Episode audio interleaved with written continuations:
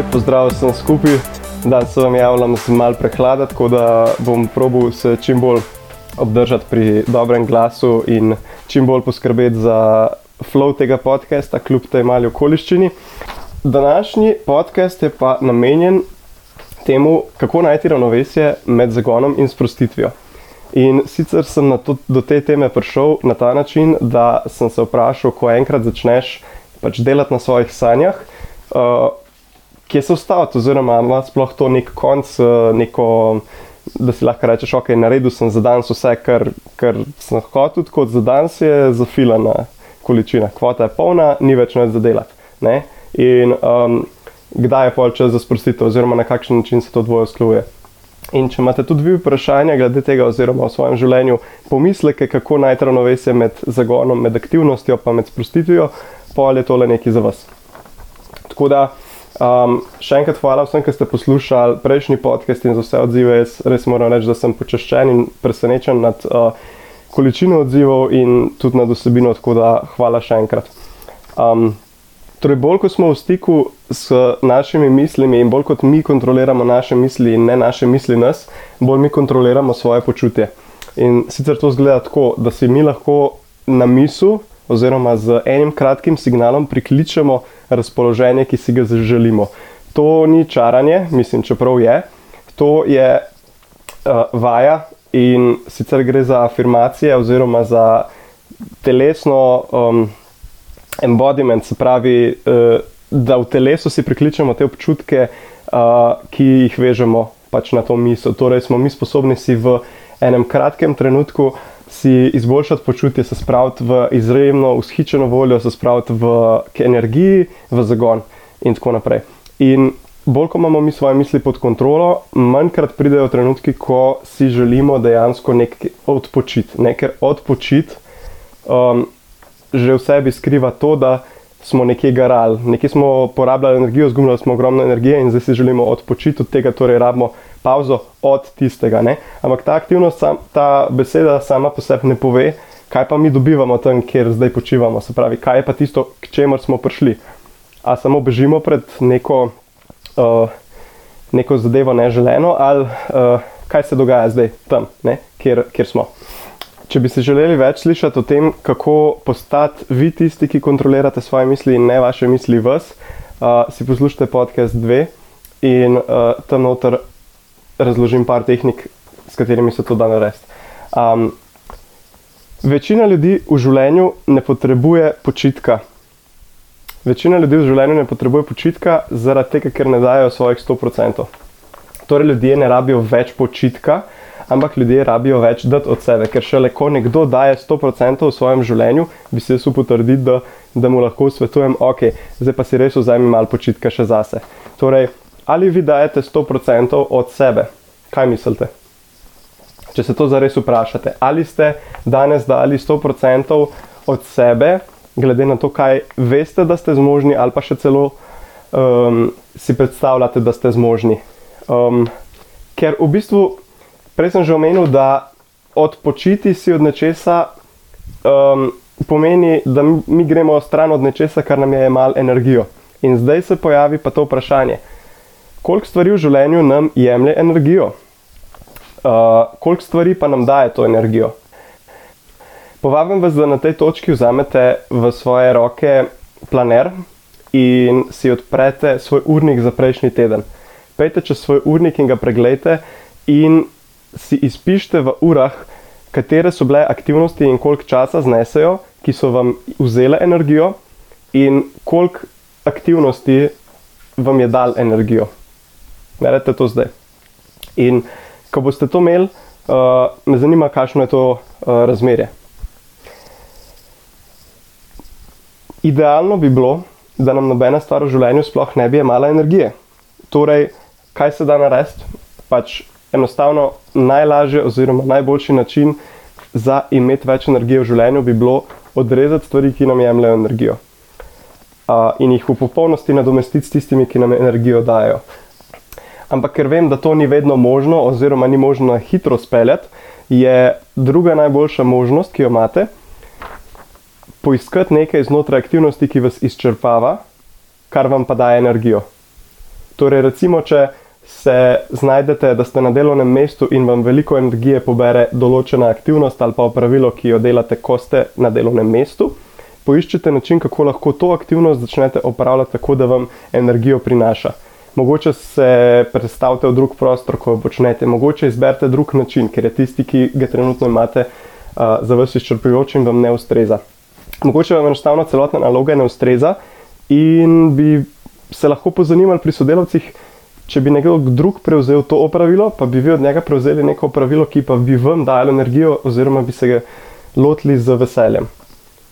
Um, na ta način boste tudi znotraj uh, tistih delov časa, ki vam trenutno jemljajo energijo, to obrnili v svoj prid in boste začeli to energijo dobivati nazaj. Kako pa to zgleda? Tako da enostavno, ko zadevo končamo, ko potegnemo črto in rečemo, ok, tukaj sem pa zaključil, uh, na koncu imate več energije kot na začetku, oziroma je nivo energije enak. Ne počutite se izčrpano, ne počutite si, kot da rabite zdaj malo off, malo pauze, ampak uh, lahko začnete takoj naprej delati naslednjo stvar.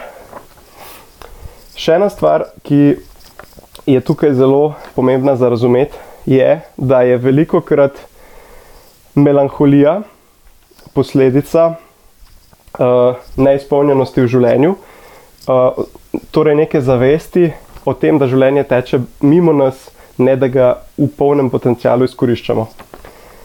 In tukaj mislim na aktivnosti, kot so recimo, če bi rekli v prostem času, sem na telefonu.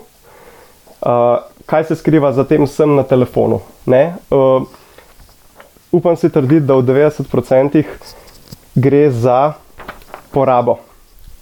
Da še to malo dodatno razložim. Da človek porablja, ne, up, porablja oziroma uporablja neke vsebine in ni tisti, ki kreira vsebine. Torej, recimo na ta način, da greste na Facebook in scrollate v nedogled, koliko časa vam pač Facebook ponuja uh, nove vsebine. Da greste na Instagram in scrollate tam toliko časa dol, koliko vam ponuja nove vsebine. Da greste na strani od novic in refreshate, če so že kakšne nove novice prišle. Uh, tukaj je na mestu vprašanje, kaj mi ta aktivnost prinaša. Ali mi prinaša zadovoljstvo, ali v njej izgubljam energijo. Zaradi tega, ker um, več, ko gledamo, recimo, ko se postavimo v situacijo, da gledamo lepe stvari, ki jih imajo drugi ljudje, za katere so delali, da so si jih lahko prvoščali, ali pa recimo počitnice, na katerih so zdaj, pa so objavili sliko. Uh, več, ko mi to gledamo in si rečemo, ah, ok, tega nimam pa tega tudi nimam. Pa poskrolam še malo nižji, tega tudi nimam. In recimo pogledam 20 postov na Instagramu in naenkrat se počutim full bedno, ker od 20 slik vidim sam blišč, ampak jaz v svoji življenjski situaciji trenutno ničesar od tistega nimam. Tukaj je ena zelo, zelo, zelo ključna stvar, ta razlika med tem, ali ste uporabnik oziroma porabnik, konzument ali ste tisti, ki ustvarja ker največ energije človeku prinese ravno ustvarjanje. Mi nismo izpolnjeni takrat, ko porabljamo. Ko mi nekaj porabljamo, smo celo nagnjeni k temu, da uh, se počutimo neizpolnjeno, kot da bi se želeli še več. Uh, poraba zna gojiti nezadovoljstvo. Recimo, dobimo nekaj za ston, kot so vse vsebine na Facebooku, ampak nismo zadovoljni, ker bi si želeli še več, ker bi si želeli drugačne. Torej, ne gre za to, da bi bili navdušeni in hvaležni za stvari, ki jih lahko vidimo, lahko preberemo in do katerih dostopamo, ampak, ampak poteka notranji dialog oziroma monolog nekaj v tem smislu. Želim si, da bi dobil zdaj le eno vsebino, ki bi mi sedla točno v tem trenutku za prebrati, ampak enostavno ni.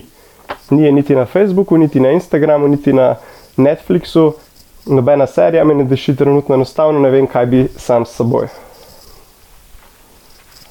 Koliko ljudi dan danes ima še take hobije, kot so recimo ustvarjanje, pisanje, pisanje blogov, pisanje videoblogov, slikanje, uh, kreativno reševanje problemov, kot so recimo šah um, ali pa ukvarjanje s fiziko, reševanje enih takih življenjskih problemov.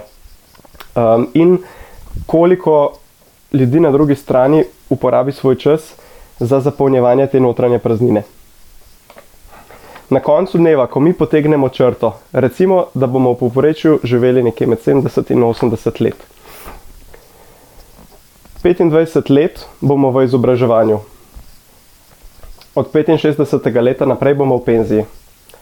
To pomeni, da nam ostane 40 let, ko smo zaposleni.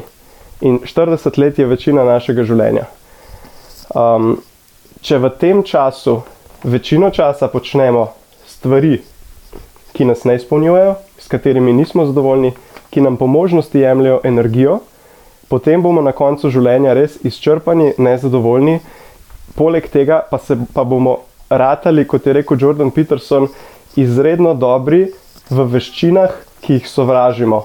In potem pri tisti starosti, recimo 50, 40, 45, 50 let, bomo izredno dobri v neki stvari, ki, ki jo enostavno sovražimo, in bo to naš najboljši ver prihodka, ali pa mogoče celo edini ver prihodka.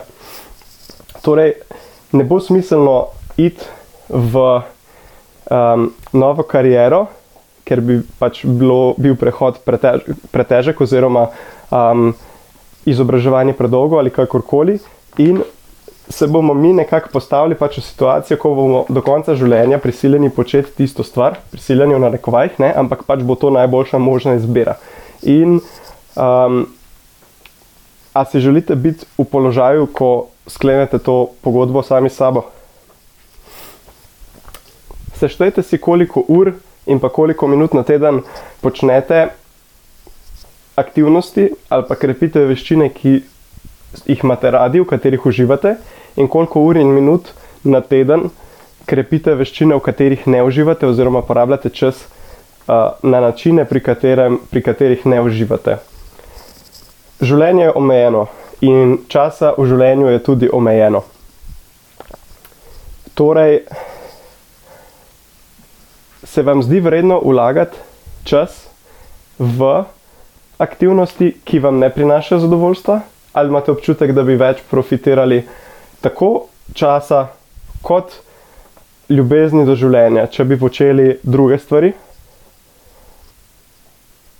Povabim vas, da pobrskate po svojih mislih in da poiščete sliko, v kateri bi se počutili izredno dobro, ko počnete nekaj ali pa ko znate nekaj. Tukaj se lahko navežete tudi na vaše uh, idole, na vaše ozornike kaj je tisto, kar če bi vam bilo jutri tako le dano, bi bili izrazito srečni, da bi to počeli.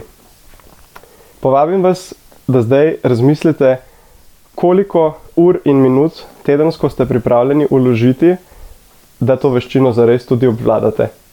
Ker mogoče se vam sliši veliko, ena ura na dan, ali pa pet ur na teden, ali pa dve uri na teden, kakorkoli že. Ampak če bi v tem času itak počeli neke druge stvari, ki vas ne bojo izpolnjevale, se vam ne zdi kar malo čudno ostati v takem arrangementu sam s sabo? Za konec pa še par napotkov. Črtajte aktivnosti, ki vam črpajo energijo in jih v čim večji meri nadomestite z aktivnostmi, ki vam energijo dajo. Če nimate možnosti v popolnosti črtati teh aktivnosti, poiščite znotraj njih neke manjše aktivnosti, ki vam bojo energijo dajale, oziroma boste v njih uživali in se na ta način izognete izgubi lastne energije. Porabljanje vodi v nezadovoljstvo, neizpolnjenost in scarcity mindset. Dlje časa, ko skrolaš in si govoriš, če se vsega nimaš v mislih, bolj utrjuješ to prepričanje, da je tvoja trenutna življenjska situacija slaba. Zdaj pa še eno vprašanje. Če odpreš pipo, a priteče ven pitna voda, a imaš hrano v hladilniku ali pa možnost se zapeljati 10 minut z avtom in kupiti hrano? Ali pričakuješ, da bo jutri izbruh vojne in bo treba z vsem, kar imamo, iti na pot in iskati zatočišče nekje druge v svetu? Ali imaš dostop do interneta, ki ti omogoča brezmejno zbirko znanja in izkušenj drugih ljudi? Ali imaš možnost učiti se česar koli od najboljših ljudi na svetu? Ali lahko hodiš? Potem si bogat. Imaš veliko stvari, ki jih nekdo drug mogoče nima. Pisatelja fikcije George Orwell in Aldous Huxley sta napovedala vsak svojo različico prihodnosti. Orwell je napovedal, da bojo vlade prevzele kontrolo nad svetom in zasužnile svoje državljane. Huxley pa je napovedal, da bo v svetu prisotno toliko pregrešnosti in toliko načinov užitka, da bojo ljudje vsak zase izbrali svojo zasvojenost in stvar, v kateri uživajo, počeli toliko časa, da jih bo to pripeljalo v propad. Živimo v časih, v katerih poznamo tako udobje in izobilje, da nam je največji primankljaj pravzaprav primankljaj izziva. S tem, ko stagnirate, tratite svojo življenjsko energijo in svoj čas. In jaz verjamem, da za vsakega človeka, ki ne živi polnega potencijala, je svet v izgubi. Zato vam postavljam vprašanje: ali živite svoj polni potencijal? Kaj je prvi korak, ki ga lahko naredite v smeri, da bi živeli življenje, ki si ga želite? Se slišimo v prihodnjem podkastu. Čau, čau!